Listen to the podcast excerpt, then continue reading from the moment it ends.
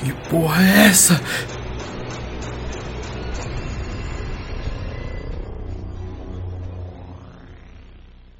O Pêndulo e a Garrafa, por William Camargo.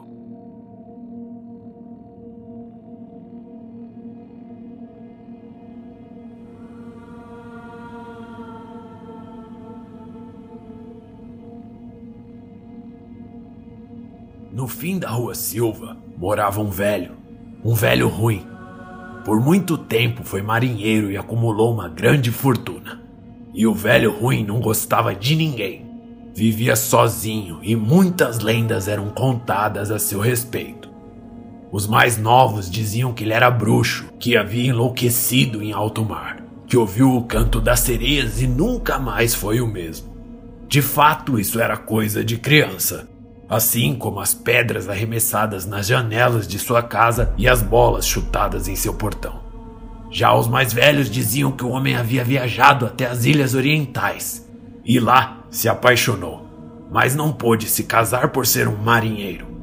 Outros diziam tê-lo visto conversando com garrafas em sua mesa, garrafas orientais.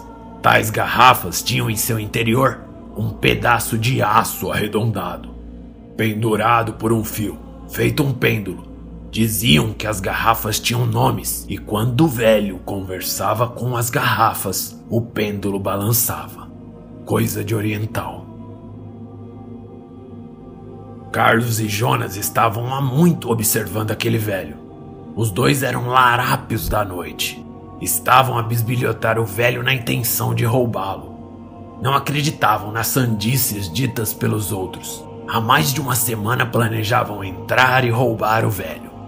Afinal, um velho sozinho não seria problema para eles. Esperaram até meia-noite, quando geralmente o velho terminava uma garrafa inteira de rum e se retirava para dormir. Aguardaram pacientemente. Quando Carlos havia pulado o muro, dois policiais viraram a esquina. Jonas correu e despistou os guardas, mas não se atreveu a voltar lá. No dia seguinte, Carlos não foi visto. Três dias se passaram e nada do ladrão. Jonas, inquieto, decidiu entrar na casa do velho sozinho.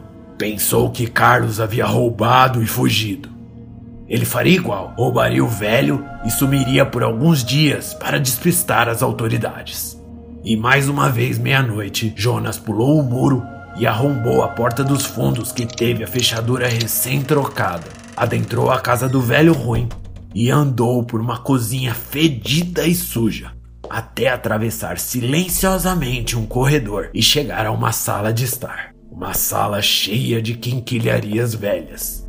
Vasos orientais, tapeçarias indianas, quadros espanhóis e espelhos gregos. Uma coisa mais perturbadora que a outra.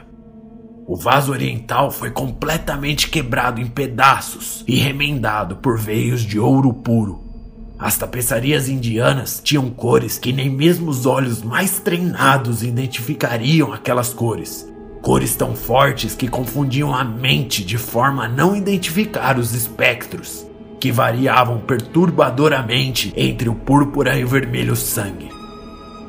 Os quadros da sala eram de figuras femininas, mas não tinham rosto, e de fato não eram os retratos que incomodavam sim suas molduras. Estas tinham formato ovalado, sem simetria alguma.